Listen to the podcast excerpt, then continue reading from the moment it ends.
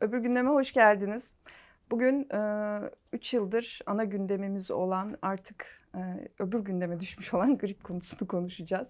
Yani Melek'le oturduk dedik ki e, biz grip olmadan bu sene bir doktor alalım yayınımıza. E, uzman doktor Ahmet Uslu bizimle, dahiliye uzmanı. Hoş geldiniz Ahmet Hocam. Hoş bulduk, e, merhabalar. Hoş geldiniz. 3 yıldır neler yaşadık? Pandemi girdi hayatımıza ve e, pandemi bitmedi. Bu arada e, Dünya Sağlık Örgütü küresel afet riskini hala e, geçerli konumda tutuyor, devam ettiriyor. Ama biz hani pandeminin o e, hijyen, işte maske, mesafe gibi kurallarını bir tarafa bıraktık. E, hayatımıza böyle devam ediyoruz. Neler yaşadık bu üç yıllık süreçte? Gerçekten çok ağır bir deneyimdi. Hiç e, kimse yani dünyadaki hiç kimse bu kadar ağır geçirilebileceğini e, düşünmemişti. Çünkü sürekli varyantlar geliyordu ve her gelen varyantta daha çok korkuyorduk ki en korkutucusu herhalde 2021 yılında omikron daha bulaşıcı ve daha şiddetli olacak dendi.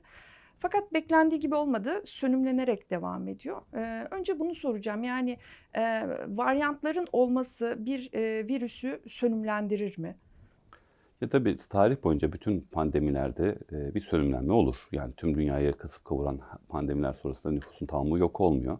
Bu esnada e, doğal bağışıklık, işte aşılarla e, ulaşılan bağışıklama hastalığı zayıflatıyor ve e, bu varyantlar da zaman içinde e, neyse ki daha zayıf, virulan e, hale dönüştükçe de enfeksiyonlar daha hafif geçmeye başlıyor. Ve biz tabii 2019 sonu 2020 başıyla ilk gördüğümüz vakalar ve e, hastaneye yetiş gereken hastalar ölüm oranlarıyla bugünü mukayese dahi edemeyiz. E, omikrondan sonra evet bulaşıcılığı daha hızlıydı ama hastaneye yetiş oranları ve yoğun bakım ihtiyaçları, mortalite, ölüm oranları çok daha düşüktü. Bu yeni varyantlar, omikron son varyant malum. Bunun da 306 e, tipi de tanımlandı. Şu anda en son işte B1Q'nun bulaştırıcılığından bahsediyorlar. O yüzden de hani dünya hala alert halde bu iş hı hı. bitti diyemiyoruz. E, Çin'de pandemi e, biraz gecikmeyle tam gaz gidiyor. Onlar da bu önlemleri biraz gevşettiler. E, çünkü içeride ciddi bir tepki 3 yıldır sürekli hı hı. bir kontrol altında yaşama çok sürdürülebilir olmadığı için. E, neyse ki biraz sönümlendi ama bitti mi? Hala bitmedi. Hayır, bitmedi. Biraz daha böyle mevsimsel grip ya da soğuk algınlığı gibi e, daha ziyade geçiyor. Orada ee, bir şey soracağım ben. Şimdi süper grip diye bir söz dolaşıyor ortalıkta. Ee, bu e, benim anladığım birkaç virüsün hani combo yapmış halde bir bünyede bulunması. Doğru mu anlamışım? Çok uzun süreli geçmeyen, öksürüğü bitmeyen bir grip. Yani şöyle, e, bu tür isimlendirmeler aslında yanlış anlamalara da e, neden oluyor. E, insanların kafasındaki soru işaretini aslında ortak kaldırmak için e, enfeksiyon ajanlarına biraz değinmekle başlasak. Şöyle, hı virüs ne, bakteri ne, mantar ne, hani e, parazit ne bunlarla ilgili bir fikir olmayınca insanlar her virüs dediğimizde tek bir canlıdan bahsediyormuşuz ve tek bir hmm. etkenden bahsediyormuşuz da bunun adı değişiyormuş gibi bir algı oluşuyor. Oysa yani, virüs canlı bile değil. Evet yani virüs bir canlı değil. E, hayatta olabilmesi için bir canlının enerjisine, onun üretim imkanlarına e, ihtiyaç, ihtiyaç duyan. Tıpkı e, bilgisayar virüsleri gibi. Yani bir hardware olması lazım ki o software o bilgisayarı ele geçirebilsin falan. Yani bir canlıya ihtiyaç duyuyor ve tabiatta bildiğimiz binlerce e, viral e, patojen varken belki de bilmediğimiz, henüz keşfedilmeyen onlarcası, yüzlercesi, binlercesi belki var. E, nihayette bunlar hayatımıza yeni girmiş şeyler de değil. Ama bu kadar alert olmamızın sebebi bu e, 2000'li yılların başından beri pandemiler, işte domuz gribi, kuş gribi, SARS-1, akabinde MERS, e, korona Hani böyle bir alert olunca insanlar ne oluyor ya döndüğü için aslında böyle bir şey var. Bunun temeli de aslında bilgisizlikten kaynaklanıyor. Yanlış bilginin yayılması. Evet, yanlış bilgi mı? çok daha hızlı yayılıyor ve korkunun da alıcısı var. Belki öyle de diyebiliriz. Ee, bu noktada hani biraz temel bilgi topluma verilmesi lazım. Sağlık 101'den başlıyoruz o zaman. Canlı nedir, virüs nedir, bakteri nedir? Evet. Yani mantar nedir? Sonuçta hani çok kabaca söyleyelim. Bakteri kendi başına yaşama potansiyeline sahip, gözle görülemeyecek, mikroskopla e, görebildiğimiz e, varlıklar. E, bunların da işte alt tipleri var. Hani detaya girmeye gerek yok. Ama işte boyama özelliklerinin farklılıkları var. Binlerce, on binlerce bakteri var ama bakteri dediğimiz canlı, tek hücreli ve bu kendi enerjisini üretebilen, çoğalabilen e, bir patojen. E, Peki man- ne tür bir hastalığa sebebiyet verir Şimdi insan her- bünyesinde? her bakteri mutlak hastalık yaratacak diye bir şey söz konusu değil. Yani insan bünyesinde bizimle e, konvansiyel yaşam içinde olan bakteriler de var. Mesela bizim iyi huylu bakterilerimiz var. Vücut ağırlığımızın yüzde beşi, e, onu bir e, Evet. gibi bir kitleye ulaşabilecek kadar bakteri yoğunluğuna sahibiz. Bunların varlığı da aslında bizim hayatımızın devamı için gerekiyor. E, pek çok vitaminin ya da mineralin e, emiliminde ya da bakterilerin, e, patojen bakterilerin üremesine engel olmakta falan bir e, görev var cildimizde, floramızda daima olması gereken ve olan e, canlılar. Ama bunun için de hastalığa yol açabilen bakteri e, tipleri var. Bu bakterilerin e, bir kısmı işte sistemik enfeksiyona dönebildiği gibi e, lokal üst solunum enfeksiyonu, tonsilit, bademcik, akciğer enfeksiyonları, gastrointestinal sistem enfeksiyonlar gibi hedef organları olabilir ya da yani tamamen e, kana karışıp septik tabloya yol açabilir. Yani her bakteride enfeksiyon yaratacak anlamına gelmiyor. Bir kısım bakteriler fırsatçı olabiliyor. Örneğin viral bir enfeksiyon sonrasında e, immün sistemin düşmesi, lokal işte ödem, enflamasyon, e, normalde enfeksiyon yaratmayacak bir bakterinin o bölgede çoğalması, süper enfeksiyon, işte koenfeksiyon gibi tabloların oluşması e, normalde enfeksiyona yol- açmayacak bakterilerin patojen hale dönmesi de mümkün olabiliyor. Nihayetinde e, mantarlar da keza e, tabiatta e, varlığına devam eden, aynı bakteriler gibi kendi kendine üreme, çoğalma potansiyeline sa- sahip e, çok hücreli ya da tek hücrelileri de e, olabilir. Hani e, ama virüsler ya da piryonlar gibi mutlak surette e, bir canlının hücresine ihtiyaç duyan, onların ribozomlarına, e, onların üretim imkanlarına e, sahip olduğu takdirde üreyebilen, çoğalabilen istilacılar diyebiliriz. Biraz önce verdiğim örnekte gibi tıpkı bilgisayar hani hardware olacak, işte bir software oraya yerleşecek ve o virüs programlanmış olduğu hasarı oluşturacak gibi düşünmek lazım. Tarih boyu aslında hani bu hastalıklara dair gözlemler, e, fikirler var ama e, işte ilk mikroskop keşfinden yaklaşık 80 yıl sonra falan işte ilk bakterinin e, keşfi söz konusu oluyor. Ondan sonra virüslerle ilgili genel bir fikir var. Hastalıklara dönük tedavi modaliteleri, bulaş şekli, gözlemleri var ama virüslerin ilk e, üretilene kadar geçen süre içinde aşıları geliştiriyor. Örneğin Pasteur tarafından işte e, kuduz aşısı geliştiriliyor ya da çiçek aşısı ondan bir e, 10-15 yıl önce ortaya çıkıyor. Sonuçta bunlar viral enfeksiyonlar ama hani ne olduğunu görmeden gözlemler e, sonucunda buna dönük işte tedavi modaliteleri geliştirilebiliyor. Ta ki işte 1930'lu yıllarda ilk e, tavuk embriyolarında virüsler üretilene kadar hani üretilebilmiş değil. 1930'lu yıllarda elektron mikroskopunun işte keşfiyle beraber peyderpey işte virüslerin yapılarının e, gözlenebilmesi, görülebilir hale gelmesi mümkün ki virüsler bakterilere göre çok daha küçük canlılar. E, nanometre boyutunda işte 20 ile 350 nanometre boyutlarında varlıklar ki bir nanometrenin de işte metrenin mi- mi- milyonda bir olduğunu e, düşünürsek son derece küçük varlıklar gözlemlemek e, mümkün değil. Elektron mikroskopuyla bunların yapıları e, ortaya çıkarılıyor. E, Peki bu, virüsler sen de bir makaleden galiba Harari'nin makalesi değil mi? Şeyde açık görüşte de Aa, yayınlanmıştı. evet evet hatırladım. O, o, yani virüslerin şeyiyle alakalı ne kadar süre yani e, hatırladığım kadarıyla işte böyle e, İspanyol gribi İspanyol gribiyle ilgiliydi.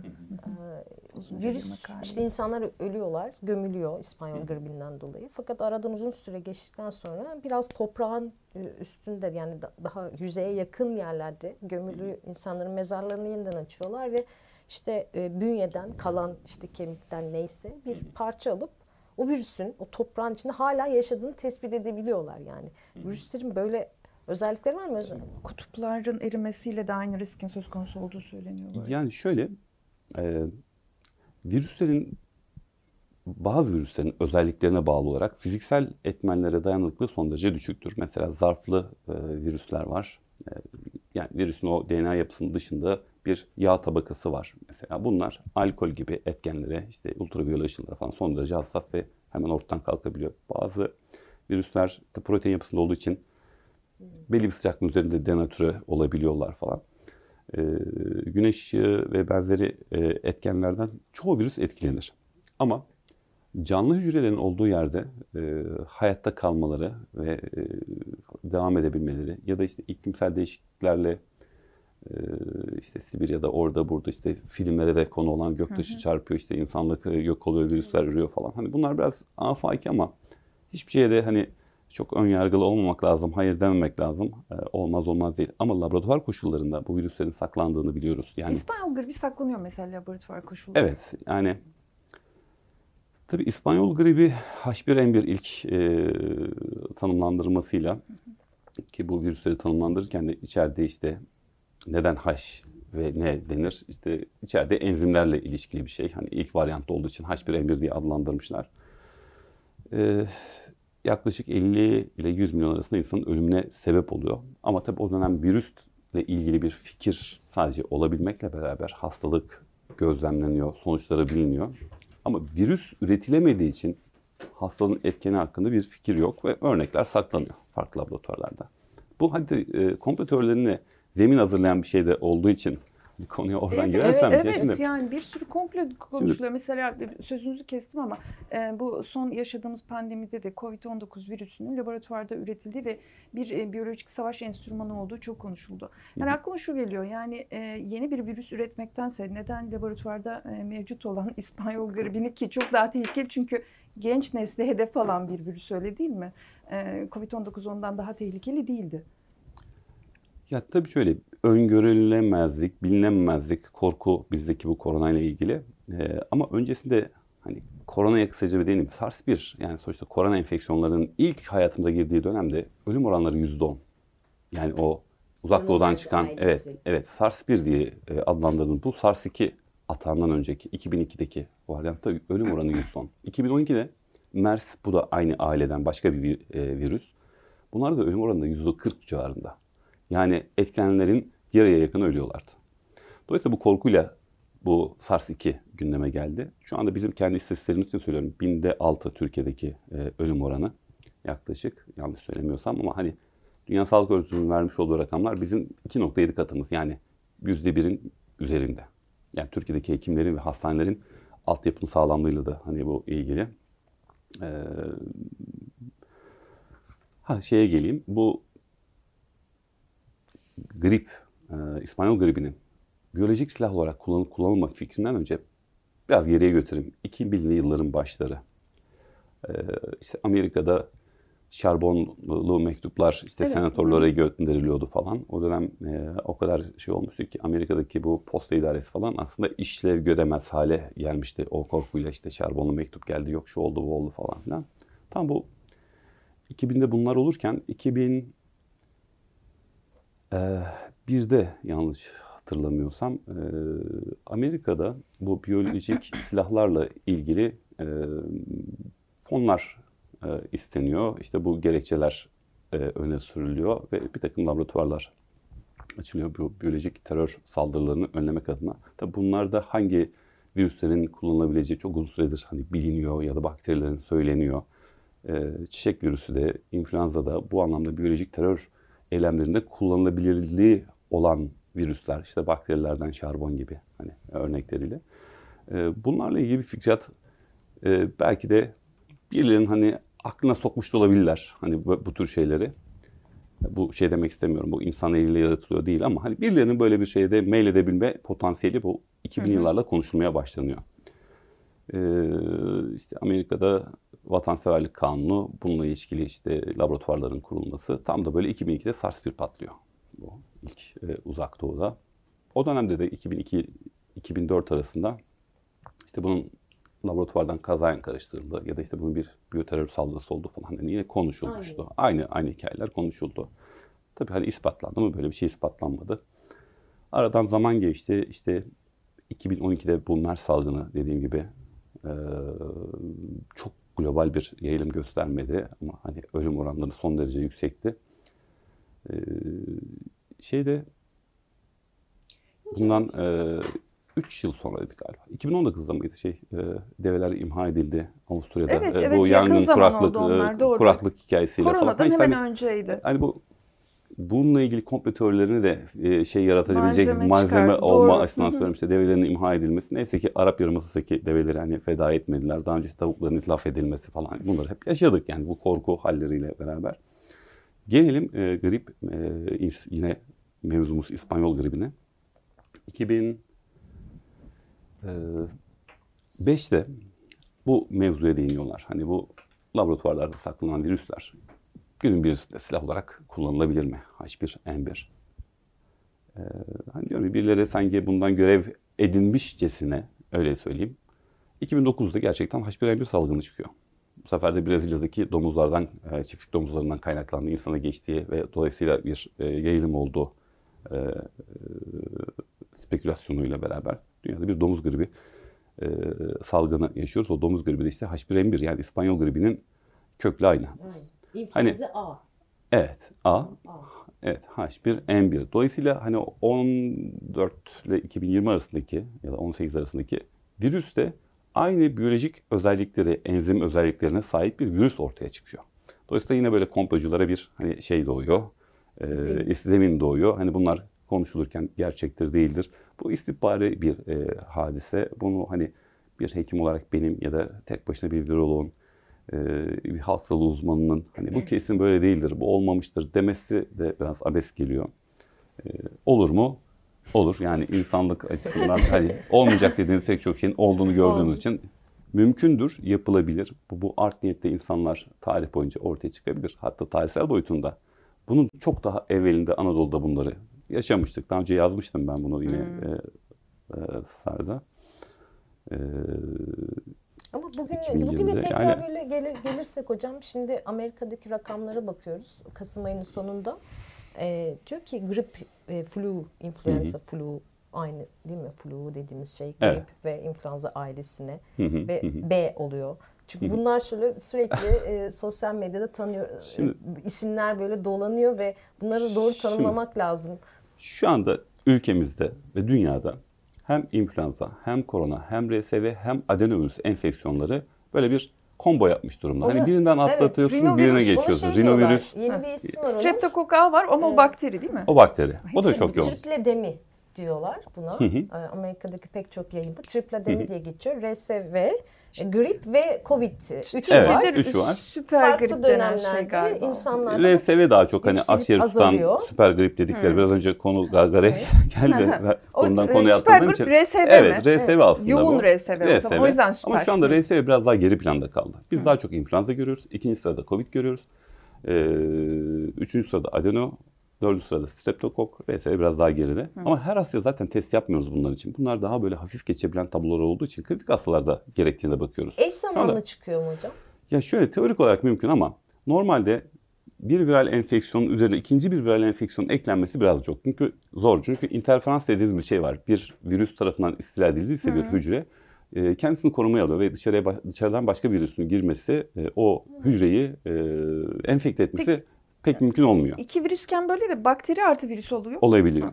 Şimdi ikisi bakteri artı çünkü. virüs aynı anda başladığında e, ki bu mümkün ya da viral bir enfeksiyonun üzerine biraz önce konu önce şey bahsettiniz, bahsettim. Süper enfeksiyon üzerine bir bakteriyel enfeksiyon eklenmesi de mümkün. Yani bu bunlar olabiliyor ama iki virüsün aynı anda olma ihtimali mümkün ama teorik olarak mümkün. Pratikte pek mümkün değil. Hani virüsler de can, canlı kalabilmek adına kendi üremesini devam ettirebilmek adına buna engel koyuyor.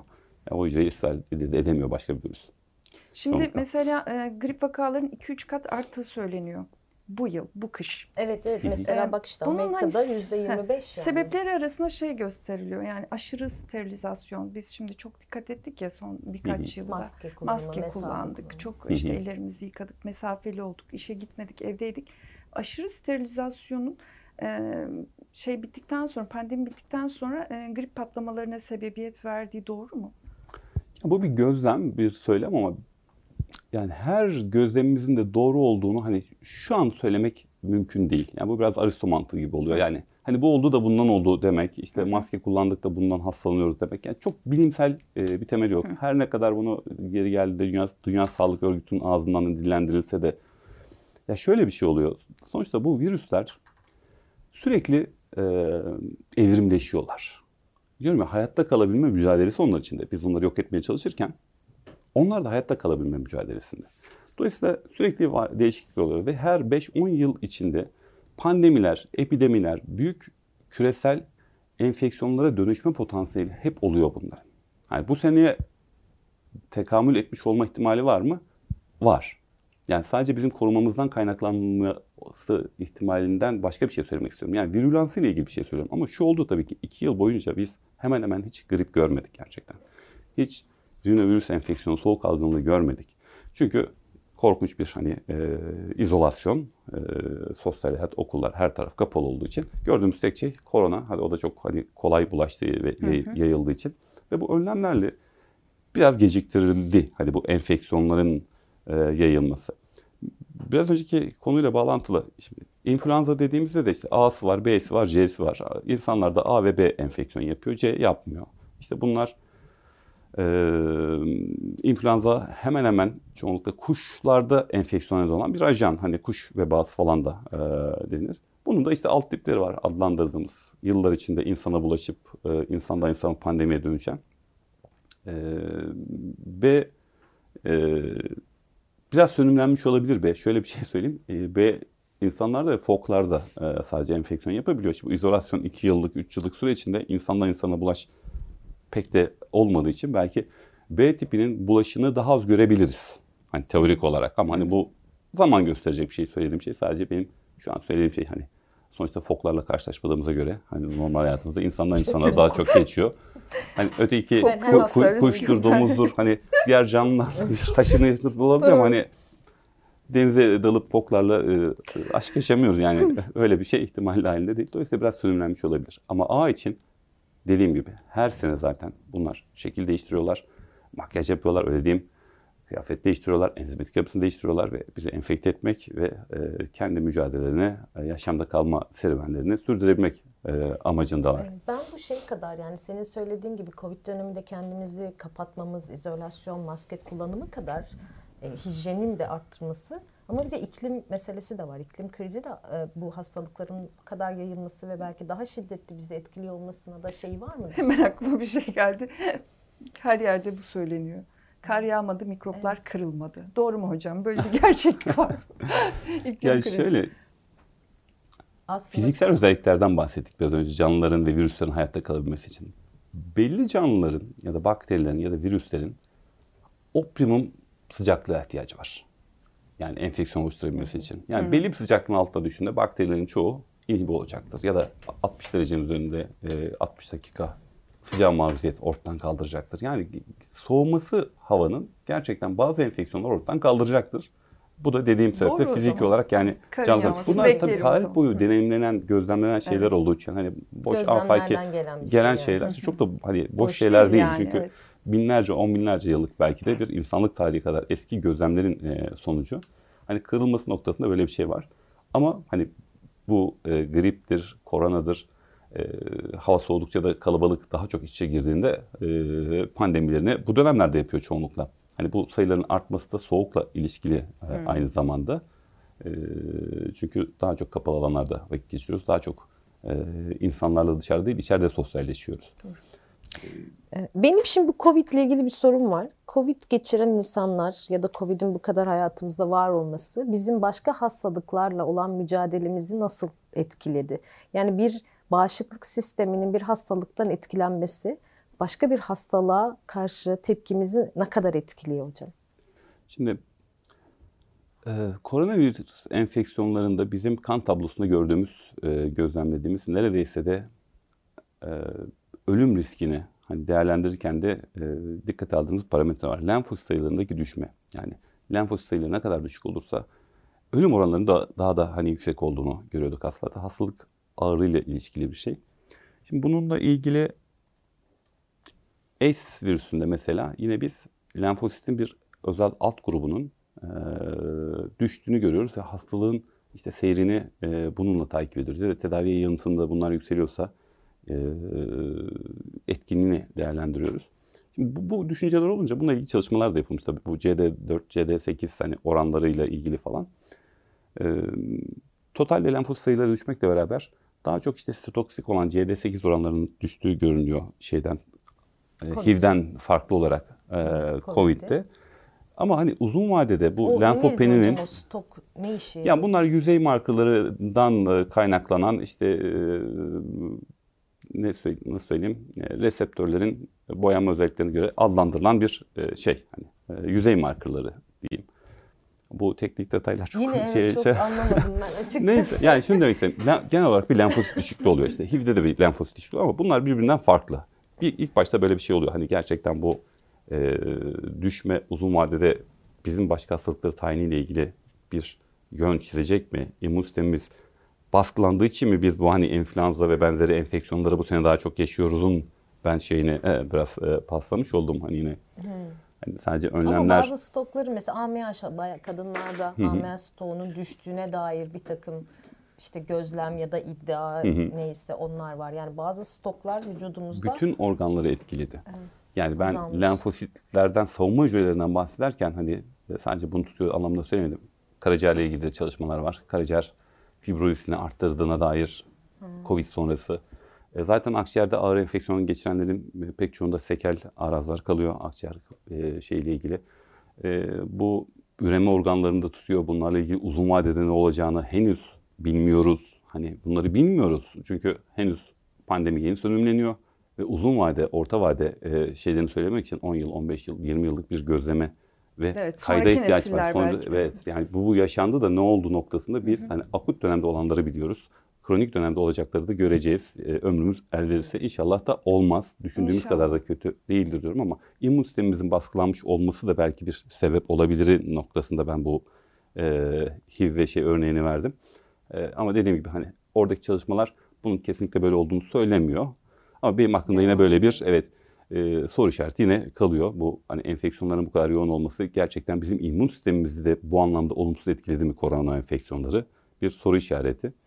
E, ama uzun vadede dediğim gibi kanserle ilgisi olacak mı bilmiyoruz. İşte üreme sağlığı ile ilgili etkileri olacak mı bilmiyoruz. Karaciğerle ilgili ön çalışmalarda e, buna dair doneler var.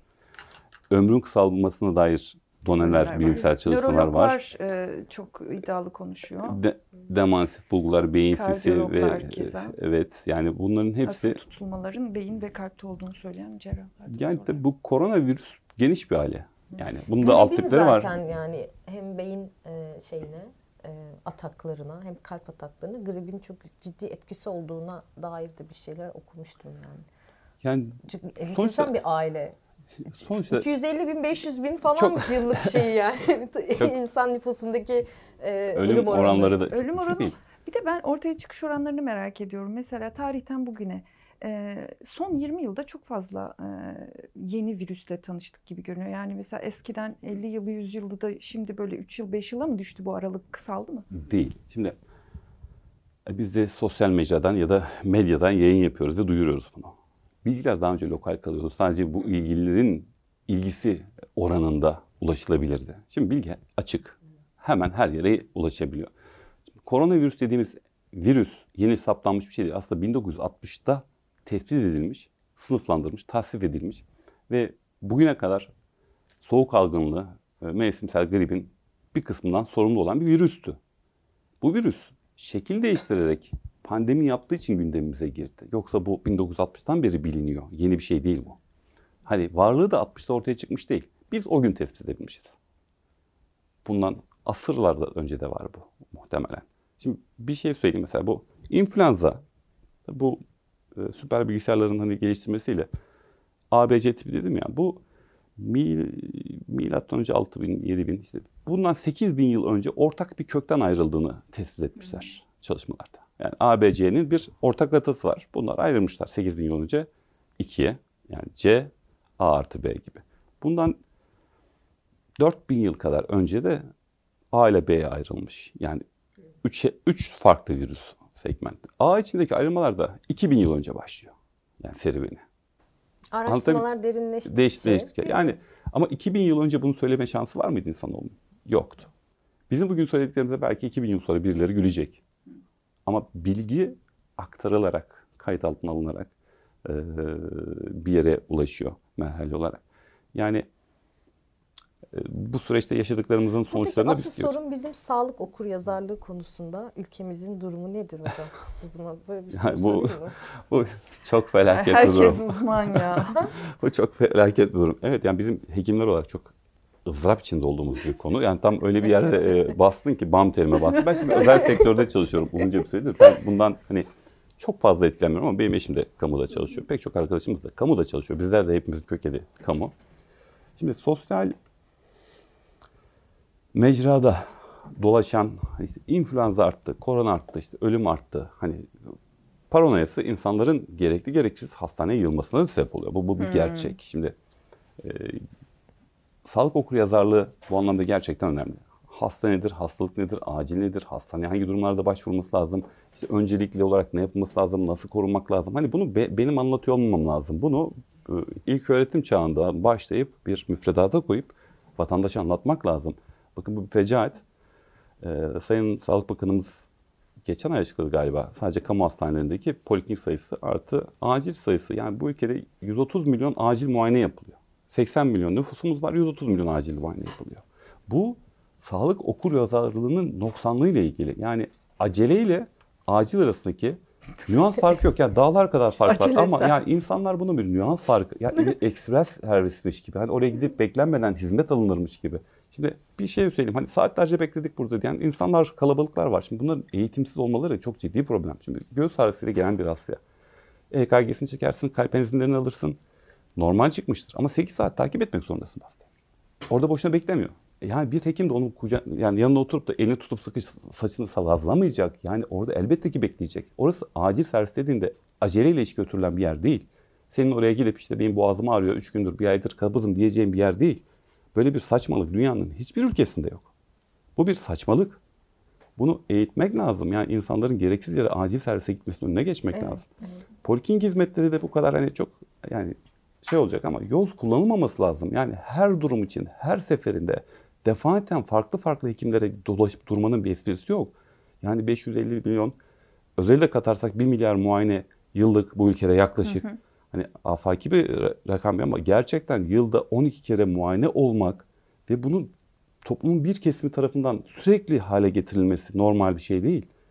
Yani Amerika'nın nüfusu 350 milyon, senelik 80 milyon poliklinikleri var, acil poliklinikleri var. Bizim nüfusumuz 80 milyon, e, 130 milyon acil servis muayenemiz var. Yani bu doğru değil. Hastalık hastası mıyız acaba? Ya biraz öyleyiz ama işte hangi durumda gitmek lazım? Hangi durumda kendi kendini tedavi Mesela etmek lazım? şimdi- Yani şimdi burnum akıyor diye bir insanın gerçekten hastaneye gitmesine gerek var mı? Virüsün bir ilacı var mı? Bir Yani Yok. doktora gittiğimizde dok- burnum akıyor diye doktor bana ilaç verebilecek mi? Ya şöyle semptomları azaltacak ilaçlar verilecektir, verilebilir, verilmez. Ama yani sonuçta eskiden eskiler der diye işte verirsen bir hafta, vermezsen yedi günde iyileşir hikayesi. Biraz öyle yani istirahat edeceksin, geçecek. Hani bu istirahat konusunda bile hastaneye gelmek absürt. Bakın Batı dünyasında ben bugün kendimi kötü hissediyorum dediğinde adam işe gitmemek hakkına sahip. Rapor Siz- almak ihtiyacı Rapor için git işte Ahmet'e git, Mehmet'e git, doktora git, rapor al gel. Hani bu da işi çıkmaza sokan Evet, e, işlerden bir şey. Her şeye rapor al gel, işte ona rapor al gel, buna ya satranç şampiyonasında oynayacak diye hani adı şampiyon olunca, spor olunca, satranç turnuvası olunca e, hastaneye gönderip rapor aldıran bir e, Aa, evet, şey var böyle bir yani Sistem var. Çocuk Sistem. satranç Yani- turnuvasına girecek. O da sportif aktivite diye. diye evet orada da Bizim- rapor istiyorsun. Yani şimdi adamın e, işte Ama zihinsel belki- performans strese girecek, kalp krizi geçirecek. E, o zaman sınava da girmesin bu adam. Yani böyle bir hani rapor al da gel mantığı da hani kabul edilir bir şey değil. Dünyada bunların örnekleri yani nasıl e, bize e, copy paste yapılıyor, hangi aşamalardan geçiyor bilmiyorum ama hani burada bir ciddi problem var. Yani tabii ki bu ciddi problemi olan, sağlık problemleri olan hastaların ulaşmasının önüne de bir engel. Evet. yani Ciddi bir vebali var vatandaş açısından. Yani kadarıyla. sistemi kilitliyorsun, ekonomiyi kilitliyorsun. Ee, Ciddi de bir masraf bu değil mi yani hastanede? İş gücü kaybı aynı çok zamanda. muazzam bir kayıp. Yani Ve her şeyde yüzden- ilaç kullanmak da sıkıntı aslında. Tabii ki şimdi hastaneye gidiliyor. Bir şey vermesen bizim ülkemizde bir de tatmin olmuyorlar. İlaç Yani- yazmadı. Yani yani İlaç ilaç, yazmadı. modunda kapıdan çıkan hani söylenen işte bu doktor da bir şey bilmiyormuş diyen bir hani kitleyi Bizim eğitme şansımız yok. Yani biz bireysel olarak, hekimler olarak tutup hani vatandaşlara tek tek anlatma şansımız yok. İşte bunları aileden, çocuktan itibaren eğiteceksin. Çocuk aileyi eğitebilir. Şimdi öyle bir jenerasyon geliyor ki aslında çok kızıyoruz. Hani pesimistler, işte dünyaya görüş açıları e, Eleştirel bakıyorlar, şey sorgulayıcılar, falan ama evet. gerçekten zehir gibi gençlik geliyor. Bunlar ailelerini yetiştirirler. Biz onları yetiştirebilsek. Bunun temelleri atılırsa belki hani önümüzdeki 20-30 yılda biraz rahatlama olacak bu ülkede bu anlamda. Ee, hani e, okur yazarlığı, bilgiyi kullanabilme becerisi olan bir nesil de geliyor. Yani Bilgiyi geliyor nasıl kullanacağını, ya nasıl ulaşacağını. Yani bizler hem şans hem şanslısız jenerasyonlardık. Evet, e, sokaklarda vakit geçirdik, eğlendik, arkadaş çevresi içinde sosyalleştik falan ama hani bizim için bilgiye ulaşmak çok zordu. Hani gidip kütüphaneden e, kitaba ulaşmak için bir efor sarf etmen lazımdı. İşte o bilgiyi sana aktaracak çevrende bir çevre varsa ancak bunu hani araştırma ihtiyacı duyuyorsan giderdin falan. Ama şimdi elimizde internet, bilgisayar sistemi giriyorsun. Her bilgiye ulaşabiliyorsun ama işte bu bilgiyi de nasıl kullanacağına dair bir e, ön şey verilmesi lazım. Bunu da hani şundan dolayı değindim. Bu pandemiyi yaşadık nihayetinde. İster bu bir komplo teorisyenlerinin de anlattığı gibi laboratuvar virüsü olsun. ister doğal yollarla virüsün genetik mutasyonlarıyla meydana gelsin. Dünyada bir pandemi oldu. Ve insanlar öldü. Yani ruh hastası gibi bir grup hala çıkıp böyle bir hastalık yok yani uydurdular. Yani şimdi birileri birini ikna etmek için gidip öldü yani. Hekimler de bunlara çanak tuttu. İşte yazıyor işte yoğun bakıma giren işte yaşayan gördünüz mü falan işte ben avukat bilmem kim falan. Yani böyle bir hani ruh hastalığı da bunların hani e, sağlıklı olduğunu düşünemiyorum. Ve buna inanan da milyonlarca insanın olması da kabul edilir bir şey değil. Yani işte yoğun bakıma giren herkes ölüyor. Yani yoğun bakıma girince biz Aa, amcaya biz çok yoğun bir bakalım şöyle. Yoğun yoğun bakmak için yoğun bakıma yatırmıyoruz. Yani yoğun bakıma zaten ölme riski yüksek insanı yatırıyoruz. Hani önüne gelene bir sadece yoğun bakalım amcaya, teyzeye, tontiş tontiş, 10 kişi gözümüzü dikelim falan diye yatmıyor yani. Bu insanlar zaten ölme potansiyeli son derece yüksek insanlar. Nihayet hani bunları topluma anlatmak lazım. Bu da Evet. eğitimle olması gereken bir şey. Bu da okur yazarlık. Ben son bir Evet. şey daha sorayım Hale sen kapatacaksın ama. Tabii Bu sor, son ne demek? söylenti meselesi Küba. Küba'nın sağlık Hı. sistemi bizden daha iyi. En iyi Evet sağlık sistemi Küba'da yapalım. Doğru. Şöyle çok kısa kapatmadan önce hocam biraz da bir iki cümle Ee, bize bununla yani ilgili. komşunun tavuğu komşuya kaz görünür misali.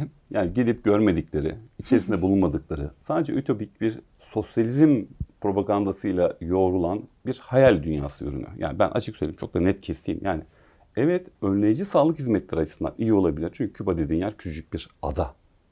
Anlatabildim mi? Yani izole zaten. Ve üstüne üstlük ambargolarla tamamen izole edilmiş bir toplum. Bunların hani enfeksiyonlardaki başarılar bunlar hikaye. Ya bunlar yani sanitasyondur, koruma yollarıdır. Tarih boyunca biliniyor. Gidin Edirne'ye. İşte Edirne'de hastane örneği var. Bundan Evet. 600-700 yıl önce Şifahane. yapılmış şifahane. Hani güzel de bir yer aslında gidip görmesinde fayda var. Turistik evet, açıdan söylüyorum. Yani orada bile sanitasyon yöntem- yöntemleri kaynatarak işte bakterilerin virüsün öldüğüne dair gözlemler dolayısıyla çamaşırhaneleri var falan. Hani bu tür hastalıklarla ilgili kontrolü daha kolay olduğu için ve küçük bir alan olduğu için evet başarılı olabilir. Ama tutup bana kanseri tedavi ettiler, buldular dediklerinde bana şöyle geliyor. "Ay, Bilmem nerede bir aktar varmış hani ot veriyormuş da kanseri yeniyormuş falan. Hani ondan bir farkı yok. Bir kere bilimsel temel bilimlerin olmadığı yerde e, bilimin olması, ilimin olması mümkün değil. Yani atıyorum Tony Schumacher çok iyi Ferrari kullanan bir pilottu. Kaza yaptı. Ee, işte sakat kaldı bir kısmına bir tarafa baktığımızda. Çok iyi pilot olması, arabayı kullanabilmesi onun Ferrari yapabileceği anlamına geliyor mu? Hayır. Hayır. Ya bu buna benziyor. Şimdi biz de Türk hekimler olarak gerçekten dünyada belli bir yere sahibiz. Bizler çok iyi kullanıcıyız. Ve bunu bu iş yüküyle belki biraz da kazandık. Hani anormal sayıda poliklinik sayılarıyla falan hani pratikleştik falan ama sonuçta bilimsel çıktı üretebilmek için temel bilgilerin güçlü olması lazım.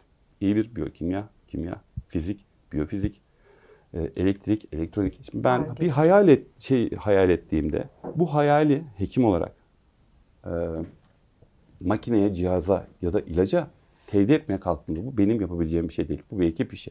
Ben diyeceğim ki şöyle bir şey düşünüyorum. Fizikçi düşünecek. Fizikçi diyecek ki optik olarak şunlara ihtiyaç var. Elektronikçi diyecek ki bunlar olacak falan. Biz bir cihaz üretebileceğiz. Bilgi böyle olur. Küba'da ne olabilir? Küba'da ne olabilir? Kendi arabasını yapabiliyor mu? Bize diyorlar ya kendi içimizde işte araba yapıyoruz, montaj yapıyoruz falan. Küba'da montaj yapabiliyorlar mı? Küba'da uçak yapabiliyorlar mı? Yani sen bunların hiçbirine sahip olmayıp kanseri tedavi ettiğini düşündüğünü ve söylediğinde bana gerçekten hani herhangi bir aksarın verdiği otla, çerle, çöple işte kanseri ortadan kaldırmasıyla eşdeğer görürüm ve komik bulurum. Hani bilime, bilgiye son derece aykırı e, ve hakarettir bu. Yani gerçekten hakarettir. Yani o zaman e, iş tamamen şaklabanlığa kalıyor. İşte e, şey sömürüsünde kalıyor. İşte orada bir tedavi varmış, çok başarılıymış, hadi aşı yapıyorlarmış, gidelim. Yani bu da bir ticari meta haline geliyor. Bir e, sağlık turizminin farklı varyantı. Yani gideceğine madem gideceksin, hani git diye söylemiyorum ama hani bu işin en top noktası neresi oraya gidersin değil mi? Yani dünya çapında işte referans ne hastanesi varsa oraya gidersin. Ne işin var Küba'da? Ki Evet. biz onlardan çok daha iyi düzeydeyiz. Söylüyorum ölüm oranlarımızda. Yani, işte yani bu korona salgınındaki ölüm oranları bizde binde altı, dünyada bir buçuk, ikiye yakın neredeyse 100 kişiden ikisi ölmüş. Ee, sanırım programı da kapatacaksın. Sen bu, bu ben son Evet, şeylerimde bu böyle biraz son dönemde gevezelikle yaydım, lütfen yaydım. hani önemli Ama hani gerçekten sosyal medyadaki bu şey. şeyleri de gerçekten kızıyorum işte. İşte 5G ile insanları şöyle yapacakmış da bunlar bilim adamları da bilim adamları değiller de işte ya işte şöyle yapacaklarmış hekimler bunların oyuncakları da gitmeyin de hastaneye falan. Ya gitme kardeşim ya yani gitme zaten. Senin gibi bir adam gitmesin gelmesin zaten. Yani şimdi ben bir pozitif bir bilim adamıyım diyelim ki cerrahım. Ya buna inanan bir adamı başka bir nedenle niye ben göreyim? Ya ben sonuçta adam öldüğünde diyecek zaten işte yine bilim adamları yaptılar bunu. Bilim adamları öldürdüler. Bilim adamları ya bu bu insanların normalde akıl sağlığıyla ilgili rapor alabileceklerini bile düşünmüyorum. Çok hani keskin olacak söylemem ama gerçekten bir işi yürütmelerinin dahi e, mümkün olduğunu düşünmüyorum bu bu söylemlerinde. E, biz hekimler zaten işimizi bu anlamda doğru yapsaydık belki de hani bu çok kızdığımız adamların belli işlerde hala oluyor olması ya da işlerini sürdürebiliyor olması da mümkün olmazdı. Çünkü antisosyal kişilik bozukluğu, şizofren yani maalesef hani Paranoya. paranoyak bir takım hani şeylerin başka mesleklerde olmaması lazım. Olmamalı. Evet. Yani o hani cinnet geçirdi, adam öldürdü, yok bilmem ne oldu falan hani. En azından kamuda olmaması lazım. Evet çok haklısınız. Ee, bitirelim istiyorum. Ee, süremizin de sonuna geldik. Açtık. Bugün e, evet açtık biraz da. Bugün pandemi sonrası grip tartışmalarını konuştuk. Ee, Küba'nın sağlık sistemimizden daha iyi değil. Kendimizi Türk hekimlerine emanet edebiliriz. Ee, foklarla çok fazla irtibat halinde olmamalıyız. Ben Evet. bunu çıkardım ve karı beklemeliyiz. Kar yağdıktan sonra inşallah mikroplar kırılacak. Bir sonraki öbür gündemde görüşmek üzere.